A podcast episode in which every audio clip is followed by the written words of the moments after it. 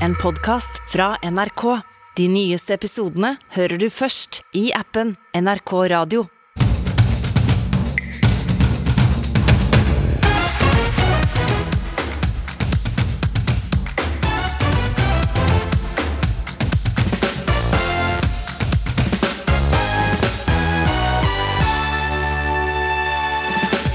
DNB stengte kontoen til Jan da han ikke klarte å legitimere seg digitalt. Uten en hjelpsom nabo hadde han mista leiligheten også. Vi spør DNB om det er sånn det skal være. En lærer vil være litt mer som fenriken i Kompani Lauritzen, men ønsker elevene militær disiplin? Hvis da læreren skal være mer som fenriken, så må fenriken også kunne få tilbakemelding og ta det til seg på hvordan kompaniet vil ha det. Og det er eh, bollekrig i Bergen. En ny kafé får kritikk for å servere kanelsnurrer. Bergenserne elsker sin skillingsbolle, sier Erna Solberg. Men hva er egentlig forskjellen? Velkommen til ukeslutt denne lørdagen, hvor vi også skal møte den nye stemmen til Tre nøtter til Askepott. Jeg heter Linn Beate Gabrielsen. Hvordan skal læreren opptre i klasserommet? Skal hun være kul og aldri gi anmerkninger? Være en som finner i seg litt for mye bråk og støy? En lektor i videregående skole ba om lov til å være litt mer som fenriken i Kompani Lauritzen i en kronikk i Aftenposten. Men er det en god idé? Det ville reporter Ida Kloppen Gladisjak undersøke. Elleve. Hva tygger du? Oi, beklager. Jeg måtte smake om det var kylling, for jeg er egentlig vegetar. Men Kan du ikke gjøre det mens du sitter? Jo, jeg kunne det. Ja. Har du vaska hendene? Ja. Vannet renner ennå.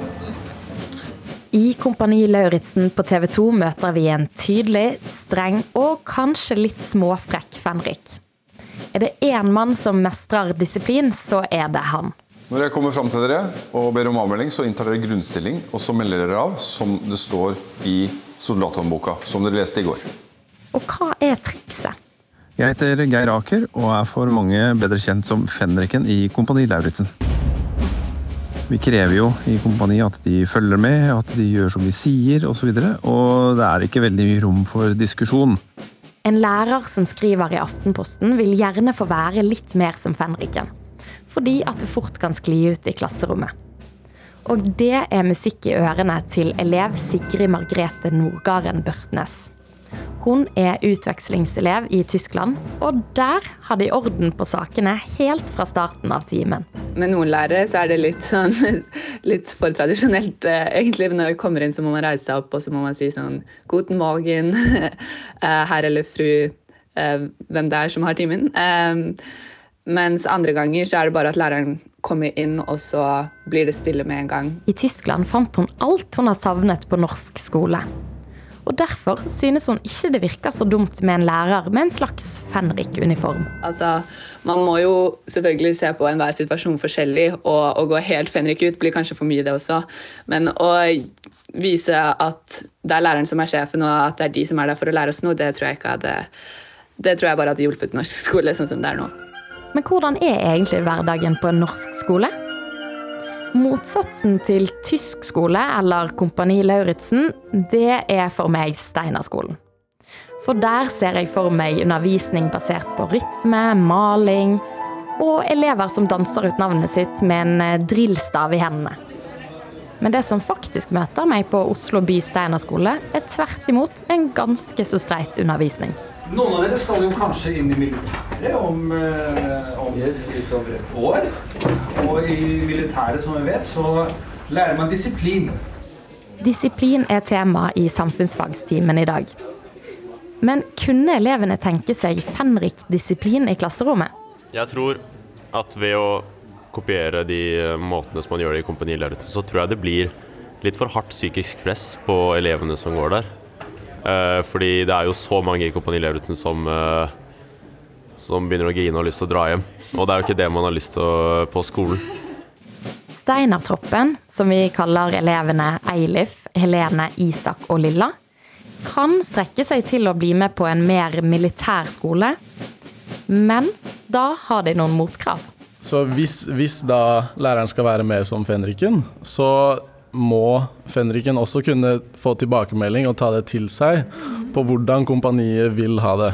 Eh, selvfølgelig har læreren siste ord og bestemmer, men hvis han skal være strengere, må, eh, må det være en enighet i det, eller hun, eh, med elevene.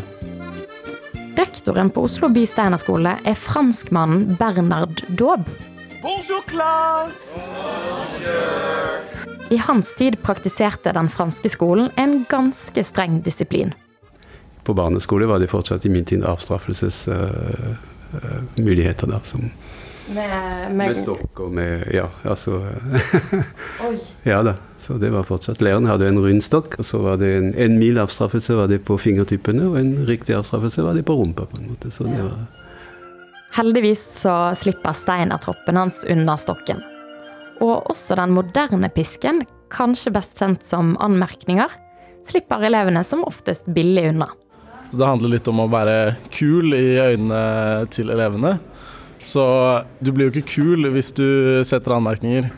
Um, så jeg tror det handler litt om, om det å um, ja, rett og slett se bra ut i elevenes øyne.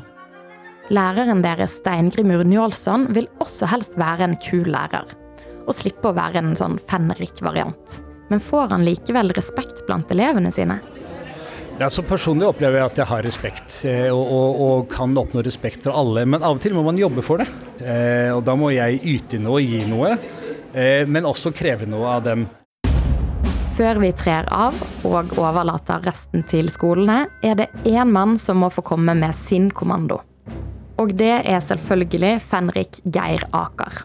Jeg tror nok lærerne skal, skal være seg sjøl, og jeg opplever at vi har mange dyktige lærere Eh, i landet vårt, eh, og det skal de fortsette med å være. Men kan de likevel ha godt av å kopiere fenriken? Ja, Det korte svaret er jo selvfølgelig ja. Eh, nei da. Så skal vi høre hvordan en nabo kan gjøre en helt avgjørende forskjell når den lille mannen må stå opp mot banken. Jan forsto ikke det nye legitimeringskravet til DNB. Banken svarte med å stenge kort og konto, og rett før leiligheten skulle ut på tvangssalg, grep naboen inn. Etter en lang kamp fikk de gjenåpna kontoen, og i kronikken Den lille mann og banken spør Terje Rønnes hvor mange Janer som fins der ute. Mennesker som altså er erklært døde for banken og ikke får betalt eh, til verken mat eller eh, regninger.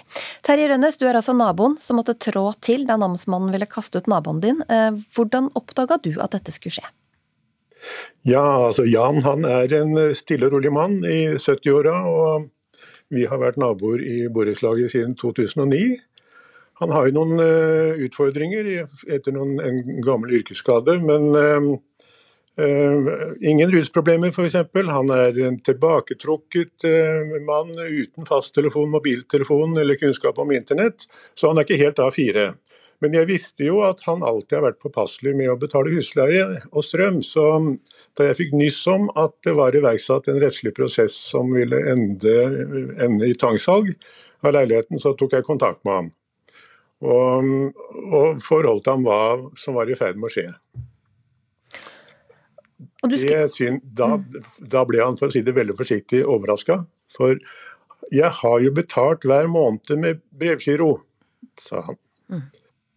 Og, og, det gikk jo greit eh, så lenge det gikk greit, holdt jeg på å si, men etter at de nye kravene om legitimering av ID i bankene dukket opp, så slutter ting å fungere. Da får han brevgiroene, brevgiroene i retur, og han får ikke brukt bankkortet. Eh, hvordan klarte han seg? Han hadde heldigvis noen kontanter liggende. som Han, han har jo ikke så stort forbruk, stakkar, så det, han, han klarte seg med det. Men han ble jo han ble jo veldig overraska da bankkortet plutselig ikke virka lenger når man skulle ta ut kontanter. og Da tenkte han at nei, det er vel en eh, feil antagelig, da. Det endrer seg vel. Og når han fikk brevgiroen i retur, så trodde han at det er nok sikkert en ny måte de, de vil sende meg eh, beskjed om at den er betalt på. Og um, Han viste meg på kjøkkenbenken lå det en stor, pen, silehaug med vinduskonvolutter fra Eh, ganske mange instanser som han ikke riktig skjønte hva var for noe, bl.a. fra DNB. Og jeg skjønte jo da at, uh, hva som hadde skjedd, og, og, og, og, sa til dem at nå må vi uh, ta oss en tur til banken.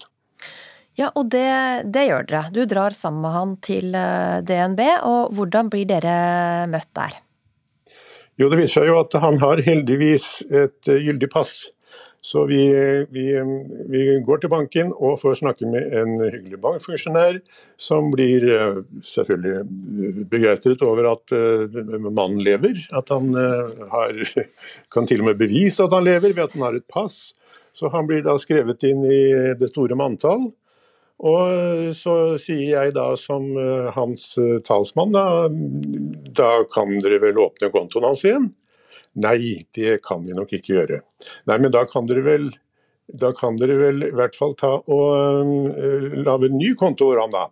Nei, det kan vi nok ikke gjøre, for det har vi ikke lov til.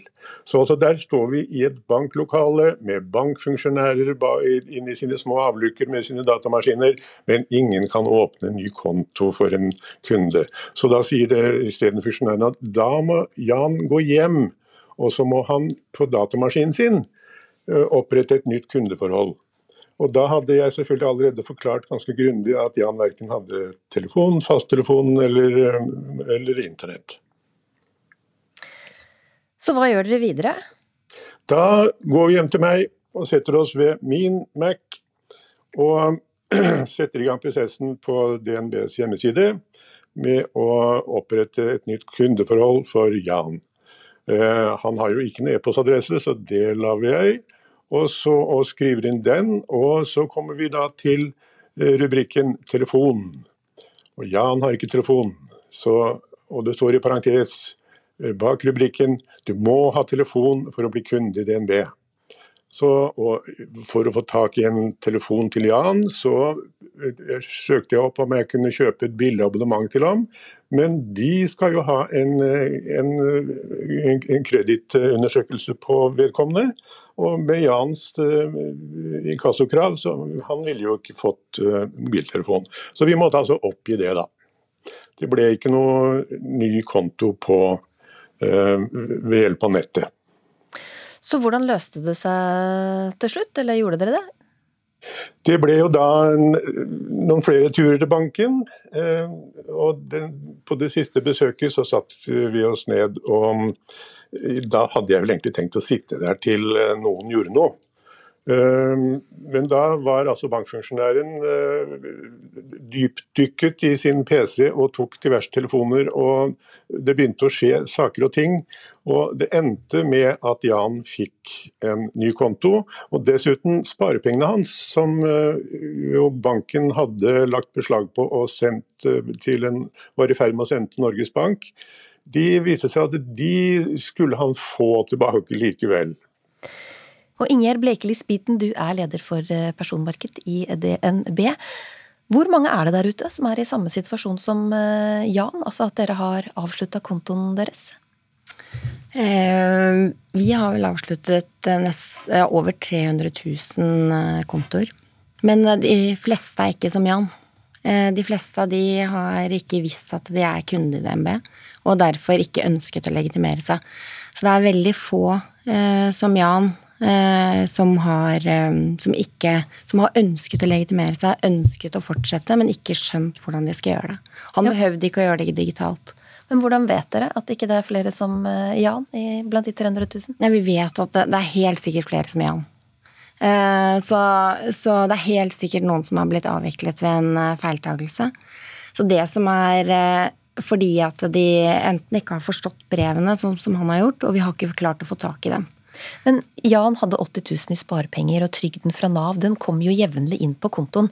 Hvordan kunne DNB stenge en konto hvor det var aktivitet og bevegelse?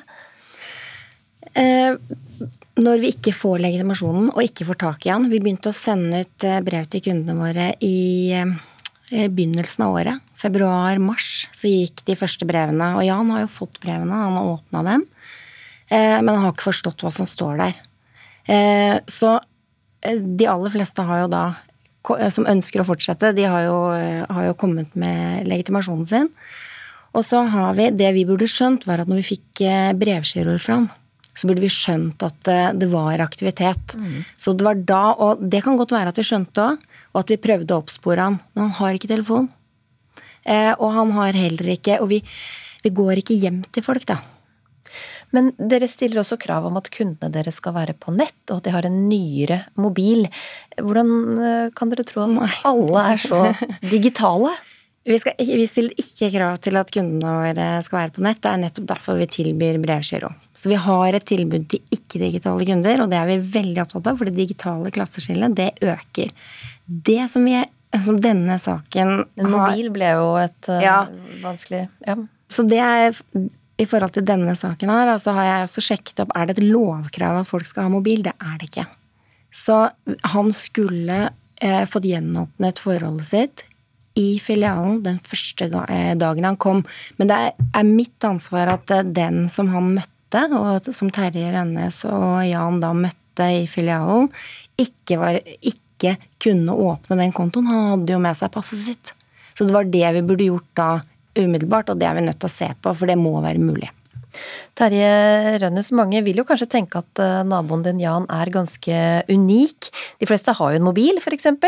Har du inntrykk av at han er aleine om å slite med dette? Nei, jeg er dessverre ikke Jeg tror dessverre ikke han er aleine om det. Etter at jeg hadde denne kronikken i Aftenposten, så var det flere kommentarer der som gikk på folk som slet med det samme, av forskjellige årsaker. Og jeg har også fått uh, direkte henvendelse på telefon fra flere personer som uh, har uh, hatt store problemer med dette. Så jeg syns det, det, er skremmende og trist at en stor bank opptrer som en iskald maskin som kun er opptatt av tall og ikke mennesker. Sier du til det, Spiten? Nei, jeg syns, det, jeg syns jo det er veldig leit at eh, vi ikke gjorde det At vi, at vi ikke møtte, møtte Terje eh, Rønnes og Jan på en, på en, måte som gjorde at han fikk hjelp umiddelbart, for det skal vi gjøre. Så, så, og vi skal også møte ikke-digitale. Vi har eh, over 250 000 av våre kunder. De er eh, enten ikke-digitale eller halvdigitale.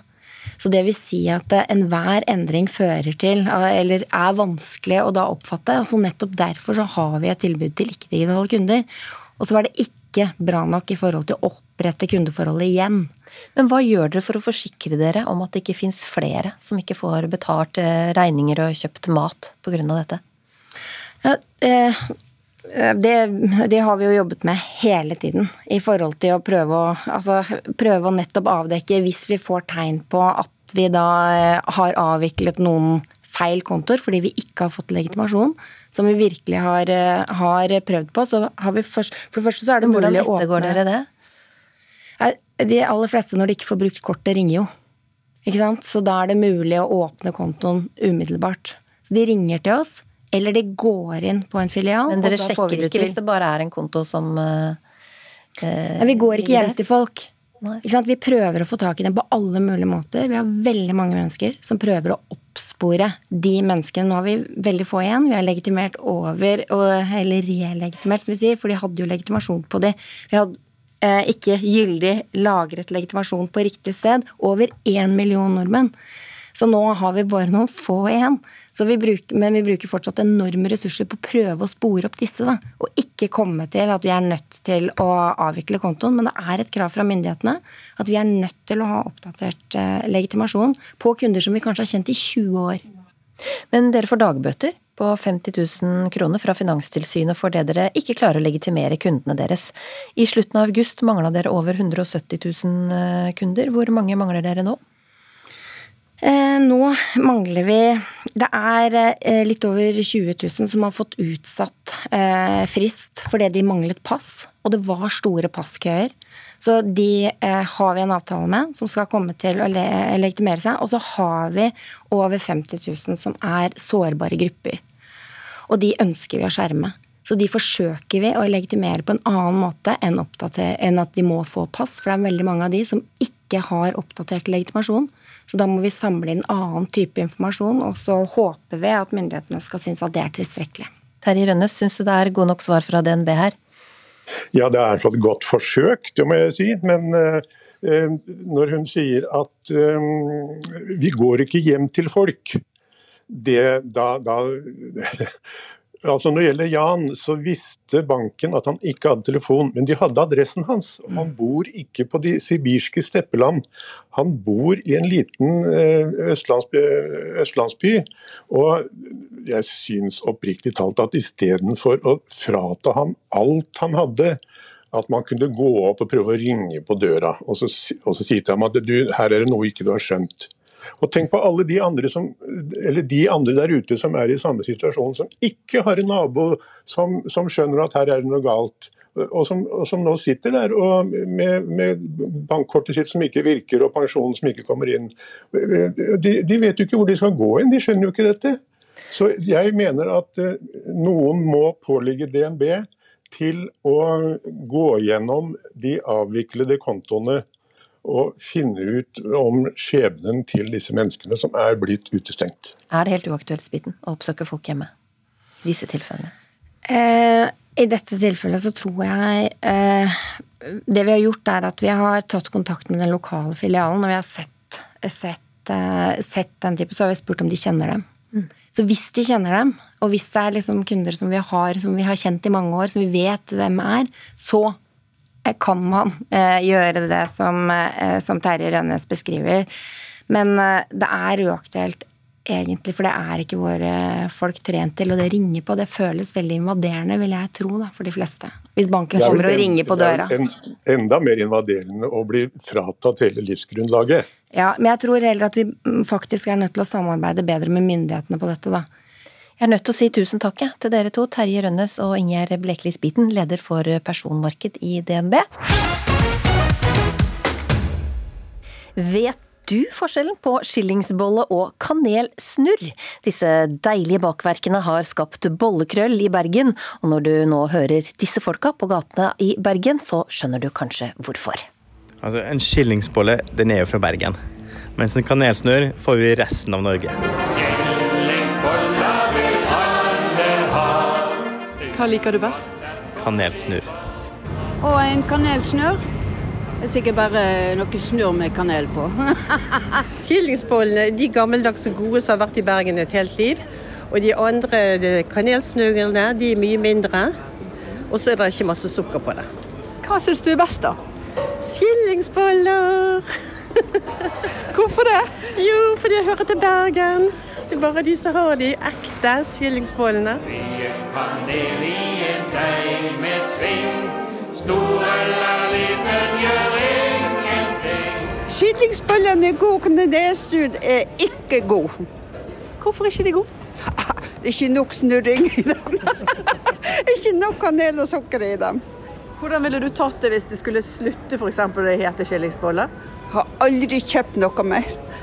Nei, de må aldri slutte med skillingsboller. Spiser du skillingsboller av og til? Ja, ofte. For de er så gode.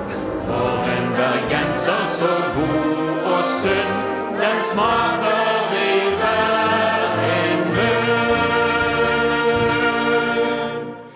Det sier vel sitt at bergenserne har en egen skillingsbollesang, og det var reporter Mette Antun som stilte det store bollespørsmålet i Bergen. Og nå skjønner du kanskje at det ble bråk da navnet på det tradisjonsrike bergenske konditoriet Li Nilsen ble byttet til Kanelsnurren. Og Lene Klovning, du jobber på Kanelsnurren, og du ble nødt til å skrive et oppklarende innlegg i Bergens eh, Tidende. Hva var det folk hissa seg oppover? Ja, altså Det stemmer. Det jeg måtte svare på et, et, innlegg som kom i avisen som førte til mye misforståelser. Og jeg kan jo bare begynne med å oppklare bergensernes store frykt. Ingen skal ta skillingsbollen fra bergenserne. En skillingsbolle er fortsatt en skillingsbolle uansett. Og hva er det folk har, eller hva slags reaksjoner er det dere har fått? Vi har fått ganske mye reaksjoner både på mail og i person. Folk som syns at eller er redd for at skillingsballen skal forsvinne, og, og syns at vi er rett og slett litt frekke og burde skamme oss. Til noen som syns at det er hyggelig at vi kommer til byen med litt nye impulser. Høyre-leder og bergenser Erna Solberg, vi glemmer ikke bildet av deg og tidligere bergensordfører Trude Drevland som koser dere med skillingsboller i arbeidsantrekk og hjelm. Hva er det med bergensere og skillingsboller? Det er jo eh, nasjonalbakverket i Bergen, da. En skillingsbolle. Det er jo, og det er veldig viktig at det er mye sukker og kanel i svingene, og at det er sukker på toppen. Så det er jo en egen eh, eh, det, det, det er noe eget med det. Og så er det selvfølgelig det at det at det heter noe annet i andre deler av landet, det bryr vi oss ikke om, for det heter jo skillingsbolle. Men er det provoserende da, når det kommer en kafé som heter Kanelsnurren? Eh, sikkert for mange får det til å oppleves som at man da har forandret på det som er navnet. Nå er jo dette en kjede som kommer fra, eh, fra Stavanger-Sandnes-området, så, så, eh, så, har det vel navnet der, da. Og så tror jeg at det var en liten sorg for alle bergensere at et av våre absolutt mest tradisjonsrike bakerier og konditorier Linesen gikk inn. Og det, det, eh, det, det var ikke bare skillingsbollene det dreide seg om, det tror jeg dreide seg om mye nostalgi for alle de hvite damene som vi kaller bløtkaker i Bergen. Hvite damer eh, med krokanbunn som ikke lenger blir servert i norske brylluper og konfirmasjoner eh, i Bergen. Kan jeg bare skyte raskt inn krokanbunn eller makronbunn, Erna Solberg? Begge deler. Du kan velge å få det på Li Nilsen. Ja. Og der har du en diskusjon også. Absolutt. Kan jeg også bare få lov til å skyte inn at familien Li Nilsen er fortsatt med. Det er ikke sånn som mange kanskje tror, at kanelsnurren har kommet inn og kasta Li Nilsen ut av vinduet. De er fortsatt med. Men eh, hvorfor kaller dere dere Kanelsnurren i Bergen? Det måtte jo bli bråk? Altså, Det heter liksom Kanelsnurren i Stavanger, og, da, og vi har 13 butikker der og skal ut i hele Norge. Så det veldig vært rart å ikke bruke navnet overalt, tenkte vi.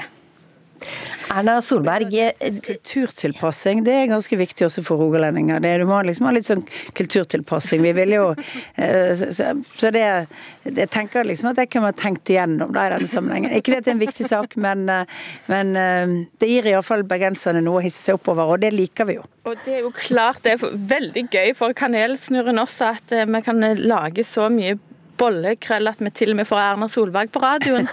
Så det er jo kunne ikke, kunne ikke fått det bedre på mange måter. Men Erna Solberg, hvilken glede er det som fylles i kroppen når du tar en bit uh skillingsbolle? Altså Hvis den er helt nylaget og varm, så er det jo en fantastisk altså Det skal være mye kanel og det skal være mye sukker, og det er liksom mer enn det du har i andre boller. Og, eh, og det gir jo en nostalgi om barndommen. sant? Altså Når du sto og ventet på, for mitt vedkommende, at min mormor bakte skillingsboller, og vi fikk disse varme ut av ovnen. Eh, og, og det var liksom et, eh, liksom et høydepunkt. Min, min mormor hun bakte 150 skillingsboller til, til sånne Eh, korpsøvelser og, og eh, loppemarkeder og, og det hele, og de var fantastiske. Har du en eh, hemmelig oppskrift, eller? Ja, Den er ikke så veldig hemmelig lenger. Den eh, ligger på Instagram-siden min på Hvis jeg går tilbake til kanelbollens dag, og det var jeg fikk jo kjeft fordi jeg sier i anledning kanelbollens dag, så legger jeg ut min skillingsbolleoppskrift fra mormor. Eh, så fikk jeg jo litt kjeft fordi jeg hadde sagt men det het nå kanelbollens dag internasjonalt, da. Ja. men Lene Klovning, hva vil du si er forskjellen på disse to bakverkene? Altså, for meg så er en skillingsbolle en kanelbolle som er på en måte rulla til en snegle med sukker på toppen. Mens en kanelsnurr er mer en knute, og den er bakt med mandelmasse i. Så den blir veldig sånn fuktig. Så da er det faktisk en Det er en liten forskjell? Det er, eh, sånn som jeg ser det, så er det absolutt ikke det samme bakverket. Og så har man jo spørsmålet hvordan skal en skillingsbolle spises, Erna Solberg? Eh, den skal jo helst ikke deles opp. Det, det er litt utfordrende altså, når du får disse store som det bildet av meg og Trude. Og Trude har jo til og med på seg ordførerkjede og, og hørselsvern. Eh, fordi vi var sammen med en barnehage og felte et juletre som skulle opp. sant? Så, så, så er det jo litt krevende når skillingsbollene liksom virkelig har hevet seg, og de blir så store at det er nesten ikke mulig å få de inn i munnen. For du skal ikke dele det opp i biter, du skal spise det direkte. ja. Det blir mye sukker oppetter Det blir veldig mye sukker på nesen òg, skal jeg si det, når du blir stor nok. Men eh, Lene Klovning, eh, hva selger dere mest av da? Skillingsboller eller kanelsnurrer?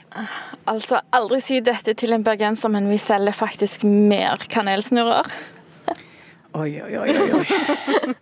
Nå må bergenserne ta seg sammen. Ja, for er kanelsnurr like bra, Solberg? Nei, det er en annen, annen del. Det er jo egentlig litt mer et, det vi ville kalt et tebrød sant? enn en bolle. Nettopp fordi den har denne mandelsmassen og sånt i det. Mm. Ja, men det eneste som er helt sikkert nå, er at eh, jeg har fått skikkelig lyst på bakverk med sukker og kanel. Tusen takk skal dere ha, Erna Solberg og Lene Klovning. Tusen takk for meg. Fotball-VM i Qatar har handla om så mye mer enn fotball. Spesielt da, å være på en kamp som dette med dette iranske bakteppet. Til laget som uh, helt slagne ned på matta her nå. Det er det. Og hva som venter dem, det vet vi ikke. Vi håper at uh, det ikke venter noe fælt. En del av spillerne spiller i Iran. Da Iran denne uka møtte USA i en avgjørende kamp, ble det jubel i gatene da Iran tapte og røk ut av VM. En mann skal ha blitt skutt og drept av politiet da han satt i bilen og tuta. Peyman Azizpour, du er kurdisk-norsk skuespiller fra Iran som jobber på Det Norske Teatret, og veldig fotballinteressert. Hvorfor jubler folk i Iran når landslaget deres taper mot erkefienden USA? Eh, jo, eh, det er jo veldig mye her eh, som er grunnen til det. Eh, vi mener jo at på en måte, Iran eh, prøvde å bruke fotball til å normalisere tortur og drap i, i eh, Iran. Fordi i samme byen som Gina Amini f.eks. ble drept, kurdisk kvinne, 22 år gammel. Når USA skårte, så jublet og feiret folk bare et sånn helt det var helt sinnssykt. Men det er jo fordi at på samme uke, på samme tid, blir folk drept og torturert. Og så så vi at f.eks. Eh, etter eh, seieren mot Wales, så begynte de å dele ut kaker og blomster og jublet, eh, altså politiet, da, eller regimet. Og det var derfor det ble på en måte en sånn greie at nei, dette her representerer ikke folket. Det, er, det laget er med regimet. Mm. Og, men det ble jo regna som en støtte fra laget til folket da de nekta å synge nasjonalsangen. Men uh, burde de ha gjort mer?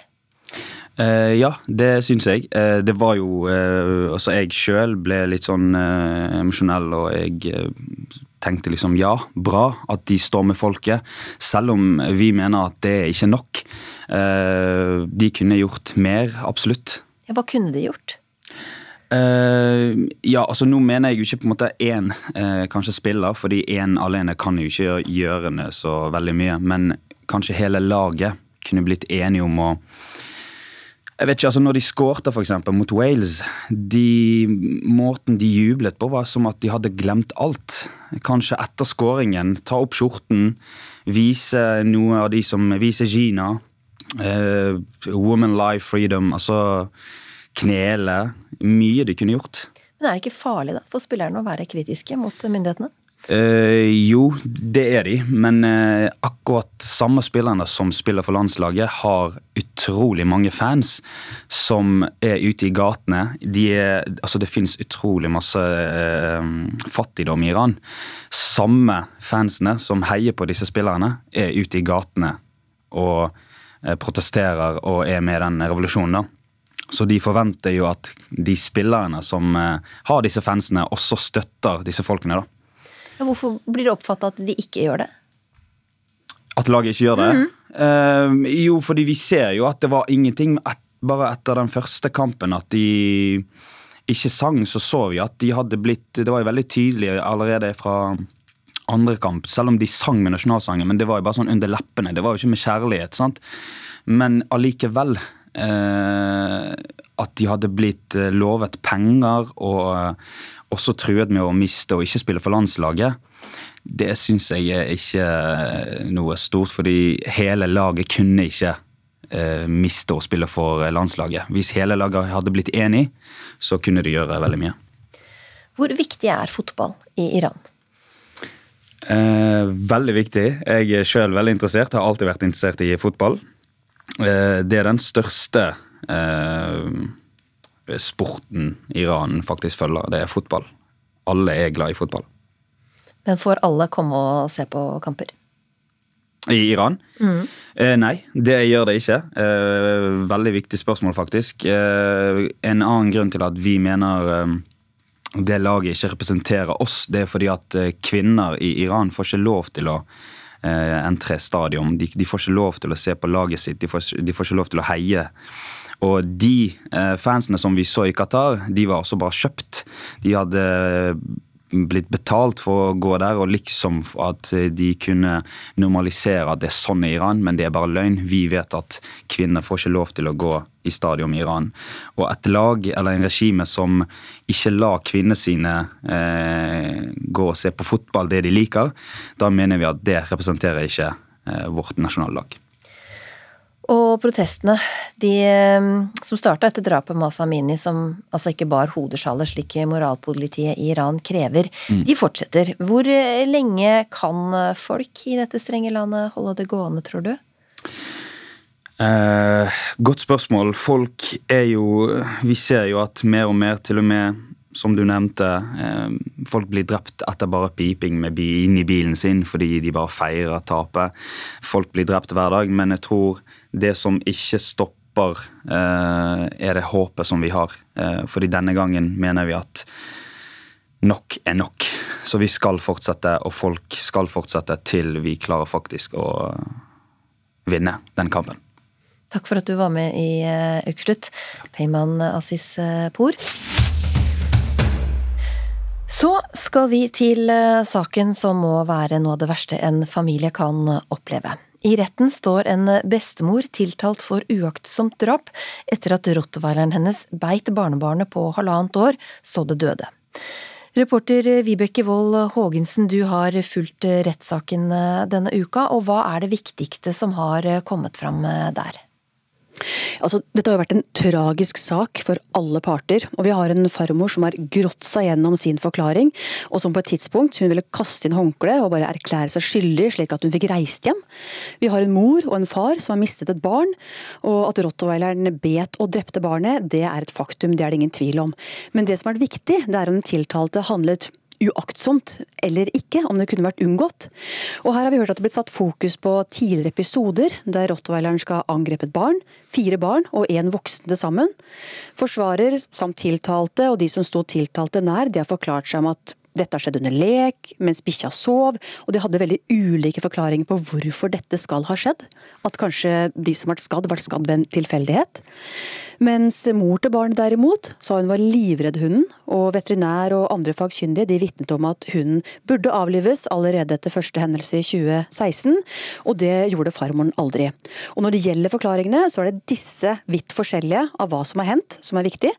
Så um, er det jo sant den tiltalte hadde sikra bikkjene nok, eller om hun handlet grovt uaktsomt, denne fatale hendelsen som skjedde denne junidagen i 2021. Ja, Hva har den tiltalte kvinnen sagt? Den tiltalte har sagt at hun tok alle sikkerhetsregler. Hun gjerda inn bikkjene, hadde en provisorisk grind som var sikker, og som skilte barn og hunder. Og denne dagen så hadde hun tre barnebarn på overnatting, som hun forklarte. Det var en varm og flott sommerdag. Hun og barnebarna lekte på ene siden av huset, og hundene var på andre sida. Og mens hun smører solkrem på øra til et av de andre barnebarna, så forklarte hun at hun så dette barnet eh, forsvinne i øyekroken inn i huset, og trodde det var for å hente seg is, som hun hadde gjort mange ganger før. Og da hun gikk etter, hun antok at det tok, bare tok 30 sekunder, da hadde rottweileren allerede tatt tak i barnebarnet, og hun prøvde desperat å komme seg over sperringene ut av terrassen. Og da hun kom seg over, sparka hun og kløp bikkja, men da var det for seint. Og hun sier at dette kunne ikke forutses, og at det var et uhell. I denne saken så er det jo en veldig stor uenighet mellom eh, moren til det drepte barnet og den tiltalte bestemoren, men hva sier ekspertene om dette hundeholdet? Ja, de fagkyndige de er alle sikre i sin sak da de vitna i går. Veterinæren sier at hun var sjøl redd bikkja etter en undersøkelse, og ba om ikke å få behandle den noe mer for sin egen sikkerhet.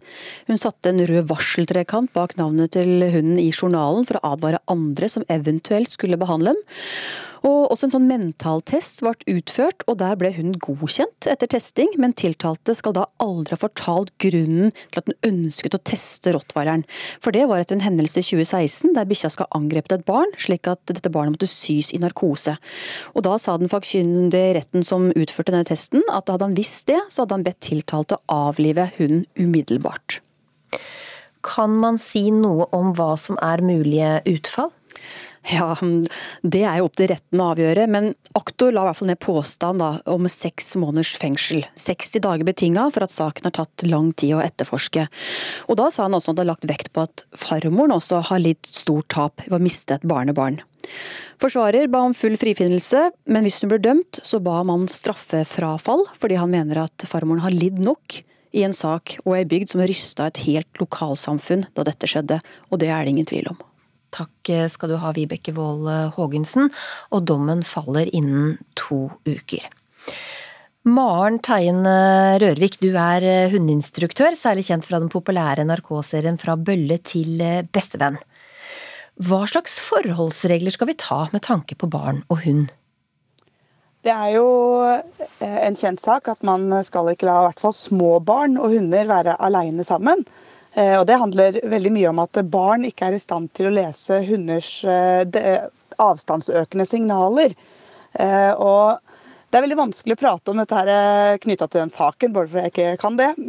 Også fordi at man har veldig mange forskjellige kategorier hunder. Og hva er det som gjør en hund farlig, blir jo liksom litt av spørsmålet her også.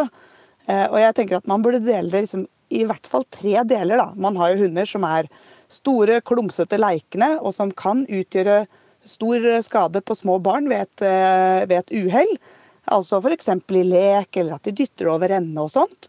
Eller at de blir så ivrige at eh, leken slår over i mer jakt, og dermed blir altfor voldsom og ganske farlig. Og så har man jo redde hunder, som er nervøse, som tydelig ønsker mer avstand. Eh, det er kanskje den vanligste kategorien av hundebitt. Der hvor hunder biter fordi de ikke blir forstått tidlig nok, og at man ikke tar hensyn til deres avstandssøkende signaler. Og Det kan være så enkelt som at de kikker bort, slikker seg på snuta, blir litt stive i kroppen. Og så kan det eskalere til at de kanskje knurrer eller glefser, og til slutt biter. Men allerede der så er det ganske langt opp til et angrep. Eh, så det pleier ikke å være kjempefarlig, men det kan være svært uheldig. Og selvfølgelig, jo større hunden er, jo mer uheldig kan det være. Og så har man en, en, tredje kategori som er mer farlige hunder. Eh, og da, Det er jo der de alvorligste hendelsene kan oppstå. Det er veldig uvanlig med den typen hunder. Men det er jo kanskje hunder som er, slår unødvendig ofte over i en slags vokt eller altså en, en liten usikkerhet som trigges, som gjør at hunden slår over i forsvar og angrep. da. Eh, og Da er det en hund med ganske høyt mot, men med en bitte liten usikkerhet. Og Det er en veldig farlig kombinasjon eh, egenskaper, der hvor det kan bli alvorlig veldig fort uten noe særlige signaler på forhånd. Mm. Men når det kommer til hund-barn, så vil det uansett være sånn at barnet er ikke et lite barn er ikke i stand til å forstå noen av disse signalene her før de blir kanskje fem-seks år gamle, eh, med god opplæring og fremdeles veiledning, selvfølgelig. Så de minste barna de må eh, bare under ingen omstendigheter være alene med, med noen hunder. Selv om det er verdens snilleste hund, så kan det skje ting. Ja, for alle tenker jo det. Vi har jo verdens snilleste hund. Eh, er det en eh, farlig tanke? Ja, og jeg, jo, eh, jeg får jo veldig mange henvendelser fra folk som vil ha hjelp til hunden sin. Og det starter veldig ofte med 'vi har verdens snilleste hund', men eh, Og så kommer det et eller annet, da. Og, og, i de som kommer til meg, da er det jo veldig ofte at men den glefser etter barna i sofaen. Som jeg vil da tenke, da er det jo ikke verdens beste hund heller. Eh, men eh, veldig mange ting kan man gjøre noe med med trening. Ikke alt, men uansett hvor mye man stoler på hunden sin, så kan man ikke stole på barn og hund sammen. Fordi det, er, det må læres, dette her språket og kommunikasjonen, da. Og, og, men hvordan skal man vite det? Altså, det er jo mange hunder som liksom biter litt i lek eller noe sånt. Hvordan, hvordan kan man vite hva som kan potensielt bli farlig? Ja, Du har jo den tredje kategorien med hunder. da, Disse her som har veldig mye vokt og er mistenksomme, og som egentlig ikke gir disse avstandssøkende signalene. De, de viser ikke tegn til ubehag. De vil alltid være farlige, og jeg tenker helt uegna å ha i en familie. Egentlig litt sånn uegna å ha i samfunnet generelt, utenom de som eventuelt er spesialtjenestehunder. Eh, men det fins noen av de rundt omkring òg som eierne er veldig glad i. Eh, og det er uheldig når, når folk har den typen hunder. Men hva skal man være oppmerksom på? Egentlig skal man det, eh, ha tenkt gjennom worst case og ta forholdsregler i forhold til det. Fordi vi lever faktisk med et lite rovdyr i hus. Og det har instinkter, selv om den er aldri så søt og hyggelig. Og de kan skrus på. Det er ikke mange hunder som skrur på disse mest ampre jakt- eller ja, angrepsinstinktene på noe tidspunkt, men det kan skje. Derfor, hvis jeg har små barn, skal du ut på kjøkkenet, klapp deg på låret og be hunden om å være med. Det er, det er liksom de små tingene. Eh, og så har man jo eh, ja, mange sikra og delt opp alt sånt, men man, eh, man eh, vil aldri angre på at man var på den sikre sida, da. Mm. Du, tusen takk skal du ha, Maren Tein eh, Rørvik. Bare hyggelig.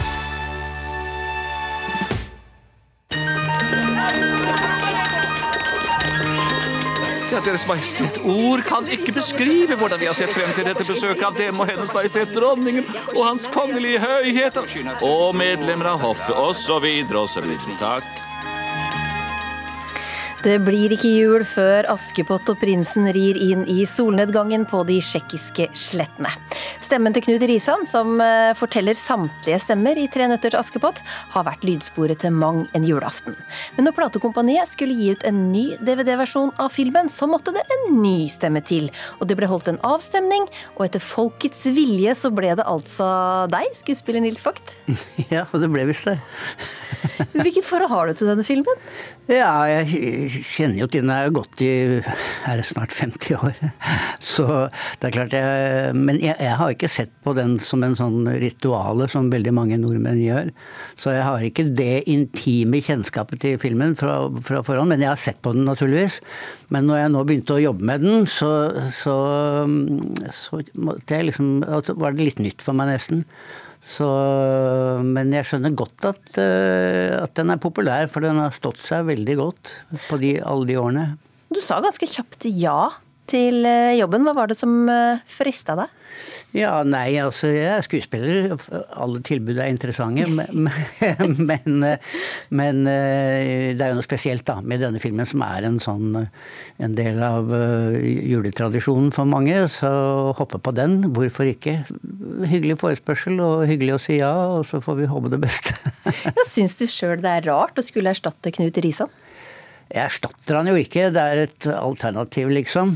Så og jeg syns Knut Risan uh, gjør en veldig bra jobb der. Uh, så det er ikke noe ønske om å utfordre han på noen måte, egentlig. Men uh, han består jo, og alle de som har sitt, sin tradisjon med å se Tre nøtter på julaften, de, de, kan fortsatt gjøre det og høre på Knut Risan. For eh, mitt alternativ ligger et annet sted. Din ligger i butikk, Risan ligger her i NRK ja, ja, på sendeskjema. Ikke sant. Eh, men gjør du noe vesentlig annerledes, syns du? Eh, det er litt vanskelig å bedømme. Jeg, har nok litt mer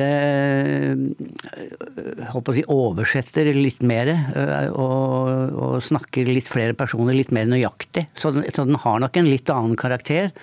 Men det viktige for meg er slik Knut Risan gjør. Han lager en fortellerstemme, liksom. Og det er, det er også min intensjon. Men jeg lager nok litt flere karakterer kanskje enn han gjør. Det vet jeg ikke. Men var det noen karakterer som var vanskeligere å få til enn andre? Altså du som Askepott eksempel? Ja, det er et godt spørsmål. Uh, Askepott så nytter det ikke for meg å lage en sånn jentestemme, liksom. Det blir bare patetisk. Men jeg må, må være, være, så ærlig jeg kan og liksom så åpen jeg kan. Hun er jo helt nydelig, hun som spiller uh, Askepott. og spiller helt, egentlig helt fantastisk. Og um, så det er en utfordring, men det var akkurat henne kanskje den største utfordringen, sånn stemmemessig. Bare gjøre henne til en ærlig person, liksom, der hun snakker med både ugler og hester og litt av hvert. Ja, hvordan gjorde du det? Jeg bare prøver å være stillferdig og ærlig, liksom, i forhold til hennes intensjon. Og så ikke, som sagt, lage noe sånn veldig jentekarakter eller ung kvinnekarakter. Det, blir, det kan fort bli litt feil. Vi er nødt til å høre litt av hvordan resultatet ble. Har du lyst til å bli med på ball? Dere kommer aldri til å ta meg med på Slottet. Men kanskje jeg kunne få titte inn gjennom vinduet? Ja, og hvem skal gjøre rent her, da? Og stryke tøyet vårt? Jeg kan ha alt klart til morgengry. Hvis du ikke har nok å gjøre, så skal jeg skaffe deg mer, jeg.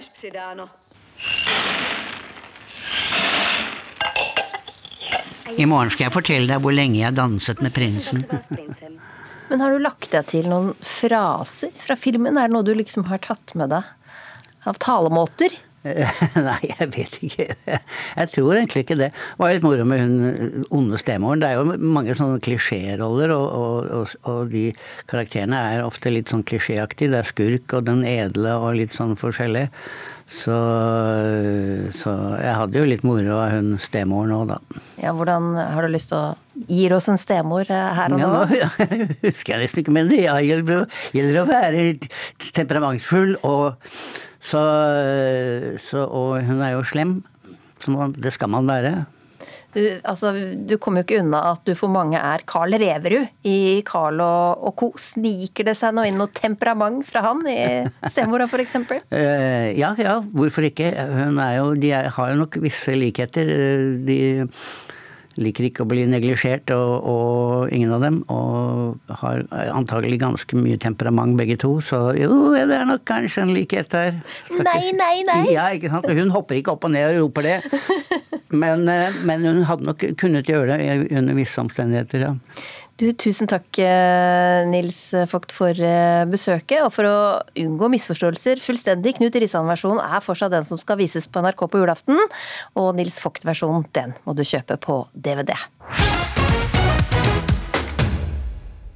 Hvorfor blir du fylt av julestemning når du skreller deg en klementin? Eller litt melankolsk når du kjenner duften av parfymen bestemora di pleide å bruke? Det er fordi luktesansen og minnene er svært tett knytta sammen i hjernen din, på godt og vondt. Lukten av dameparfyme. Hva gjør den med deg? Den øh, gjør meg litt i feststemning. Kanskje får lyst til å danse. Jeg har mistet min mor for noen år siden, men jeg har nå dufter som Når jeg lukter, så tenker jeg bare rett på mora mi. Not, gamle noter jeg har. Når jeg blar gjennom de, så får jeg liksom tilbake litt minne av ting som skjedde når jeg spilte det.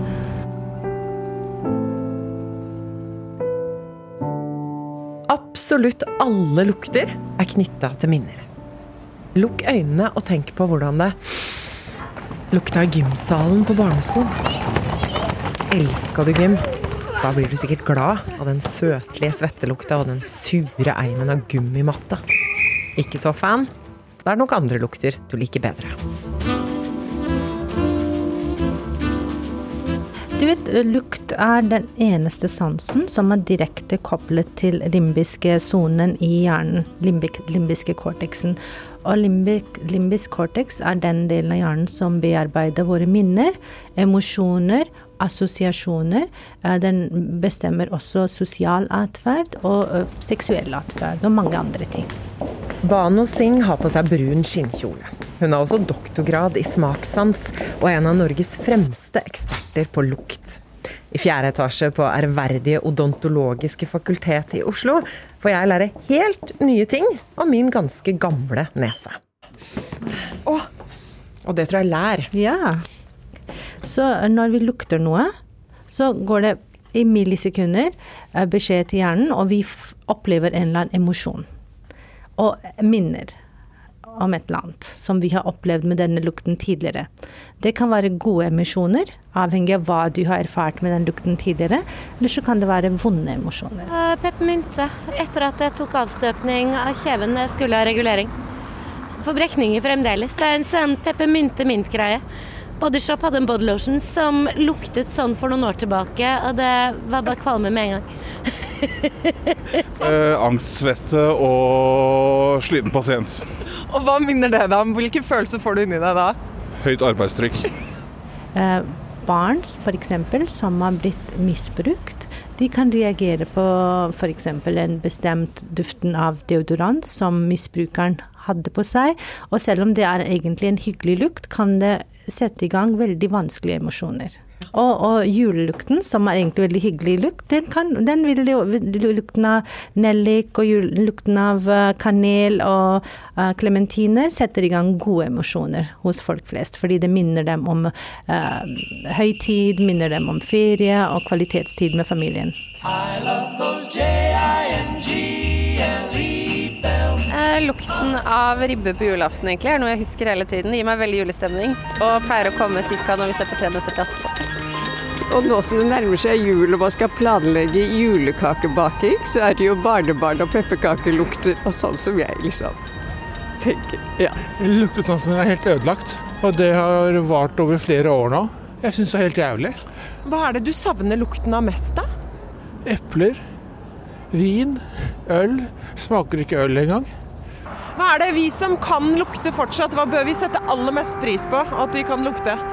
Ja, Syriner om våren, kanskje. Meitemark når det regner.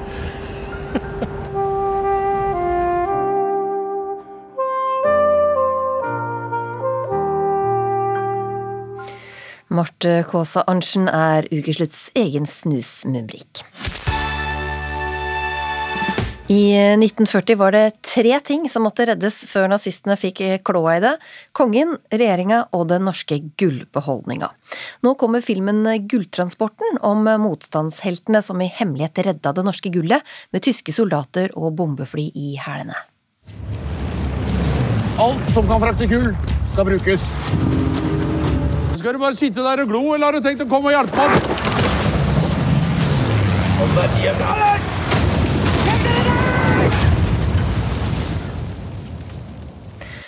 Thomas Heierdal, du er gullsmed. I eh, denne historien så har vi en partisekretær som blir til krigshelt når han prøver å redde det norske gullet fra nazistene. Hvor vanskelig er det å få med seg en sånn mengde gull som dette? Gull veier jo litt, da. Eh, det var sikkert mer gull i det hvelvet i Norges Bank enn det var i butikken hos meg. Så jeg regner med at det var ganske tung operasjon. Det er ikke bare noe å ta med seg på innerlomma, liksom. Hva er det som gjør gull så verdifullt, da? At det er verdt å risikere livet for å redde det? Du, jeg tror Tradisjonelt så er det jo mange ting, men det er jo på en måte verdien av gull i seg selv. Det er en stabil verdi som, som tradisjonelt har på en måte vært en asset for mange. Eh, både land og folk. Så det er jo eh, ja, en, hva skal jeg si, en mer stabil eh, verdi da, enn mange andre ting. Så eh, det er vel det som har gjort at mange land har valgt å ha en gullbeholdning. Mhm. Men Hva slags forhold til gull har vi i Norge i dag? I dag så er det vel mer det at det er en, et fint uh, metall å bruke til smykker, først og fremst. Jeg tror i Norge så har vi vi har jo ikke inflasjon som gjør at vi trenger å sette pengene våre i sånn type som gull, da, som mange andre land eh, ser det som. De ser det som en, mer som en investering enn som en bruksverdi. Men i Norge så er det bruk av smykker, og gull i seg selv er jo flott å se på. Og det har også veldig mange gode egenskaper, sånn at det, ikke, det, det forvitrer jo ikke, det forsvinner jo ikke, det oksiderer jo ikke. Og du kan bruke det, det, det er veldig bearbeidbart. Sånn at um, Det er jo ikke bare i smykker vi bruker gull, men også i industrien. Så gull er um, oppskattet og verdsatt i mange sammenheng. Shazia Majid, du er kommentator i VG, og du har røtter fra Pakistan. Hva slags forhold har du og din familie til gull? Eh, et sterkt et. Gull er jo en helt um, Gull er noe du bærer med deg, uh, bokstavelig talt. Uh, fra du er født til du dør, egentlig. Det er jo sånn som um, Thomas sier, dette handler jo om både om at det brukes til pynt, men mer som investering. I pakistansk tradisjon så handler det om å investere i gull. Og hva slags historisk verdi har gull i den pakistanske kulturen? I Pakistan så har man jo tradisjonelt eh, gitt gullsmykker til datteren sin. Altså Når en jente gifter seg, så får hun gull fra foreldrene sine og fra svigerforeldrene sine. og Det er en form for brudegave. Det er en, en, en hånd, altså en, noe som er ordentlig verdifullt, som hun kan eh, innkassere hvis de skulle få økonomiske problemer. Og Sånn har det alltid eh, på en måte blitt brukt. Altså Hvis alt annet eh, mislykkes, så kan man, kan man selge smykkene sine. Så, så, det er store verdier faktisk som er investert i gull i Pakistan gjennom disse brudesmykkene. Det høres vel ut som en drøm for deg som er gullsmed, Thomas Heierdal? ja, det er, jo, det er, jo, akkurat som en sier at det er jo veldig store forskjeller fra land til land. og Spesielt i, i, i Vesten så har vi på en måte kanskje hatt eh, i hvert fall den senere tid hatt mer stabile finansmarkeder, som gjør at på en måte gullet har ikke den samme betydningen for land som Norge. Men i, i land hvor du har stor kanskje inflasjon, det er vanskelig å måle pengeverdier, den, den pengen du har, eller verdien du har i penger i dag, er kanskje ikke verdt det samme i morgen. Så ønsker man å, å se litt annerledes på de verdiene man har. Så da medgift, det å, det å på en måte Um, sett investere i gull som en, på en måte langsiktig investering har vært viktigere for veldig mange andre land. Uh, og Det ser vi også på smykkene, for det er høyere gehalt av gull i smykkene ofte. Og det er ofte av en dårligere making-kvalitet, altså en, ofte litt dårligere laget, fordi man uh, verdsetter gullet i sånne smykker mer i per gram enn man gjør i selve mm. produksjonen eller det å lage det. da. Men er det en god investering da, å kjøpe gull? Ja, det er jo det. Altså, hvis man ser eh, la oss si de siste 20 årene, så kunne man faktisk eh, kjøpt et smykke eller en, et gullsmykke i butikken for 20 år siden som man faktisk kan selge for en høyere pris selv i bruktmarkedet i dag. Og Det er mange overrasket over når de selger gull til oss. Og det man skal huske på at det som er så flott med gull, at det går jo i loop. Det er jo en sirkulær økonomi. Det gullet vi får inn i butikken i dag som folk selger til oss, det går inn til raffinering, for det er vi nødt til å gjøre i forhold, i forhold til stempelloven.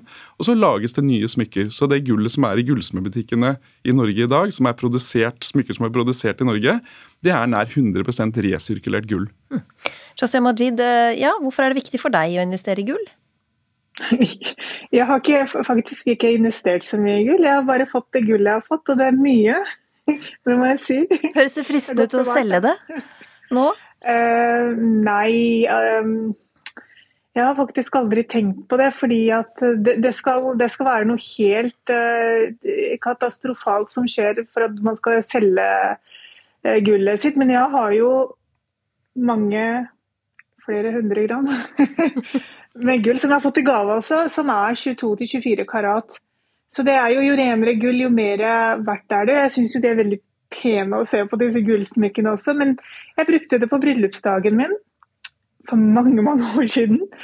Og så har jeg nesten aldri brukt det. det men, men, det er liksom ikke, det er ikke så trist, da, for jeg vet at jeg har verdier. Så det, det, det her blir på en måte arv da, til barna mine.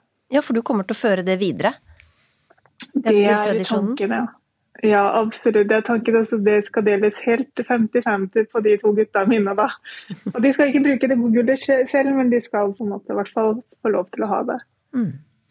Ja, Hvordan skal vi vite at det er, når det er lurt å selge gull man eventuelt vil selge? da? Det er jo en børsstyrt verdi i utgangspunktet. og man skal huske på Det at det som gjør at gullverdien går opp og ned, det er jo i større grad finansmarkedene enn etterspørselen etter smykker i seg selv. Og Det betyr at gull er ofte ansett som en trygg havn når det er volatilt i da aksjemarkedene. altså Det betyr at aksjemarkedene går veldig mye opp og ned, og det er vanskelig å på en måte investere i aksjer. Så blir ofte gull sett på som en trygg havn. Men vi som er gullsmer, vi syns det er hyggelig at folk bruker smykkene sine. At du først og fremst har smykker og kjøper smykker for å bruke det. Og gull kan jo også repareres, og det kan også omarbeides. Og Det er det som er så fint med gull, at man kan eh, bearbeide det på en sånn fin måte over lang tid, og man kan arve det bort. og ja, Det er mange muligheter. Da sier jeg tusen takk for gylne tips, ja, Thomas eh, Heierdal og Shazia Majid. Og så er det bare å dykke ned i smykkeskrinet og se om vi finner noe gull. I dag er det 30 år siden verdens første SMS suste fra en bærbar PC og rett inn på en mobiltelefon. For en revolusjon det var! Nå for tida sendes det 200 SMS-er i sekundet bare gjennom Telenors nett. Lurer du på hva som sto i verdens første SMS for 30 år sia? Ja, det var jo juletider, så det sto rett og slett Merry Christmas. Da har vi luktet og snust oss gjennom to timer med Ukeslutt. Ansvarlig for sendinga var Kari Li, teknisk ansvarlig Helje Svensson og i studio Linn Beate Gabrielsen. Etter Dagsnytt blir det pils her på P1. Du har hørt en podkast fra NRK. De nyeste episodene hører du først i appen NRK Radio.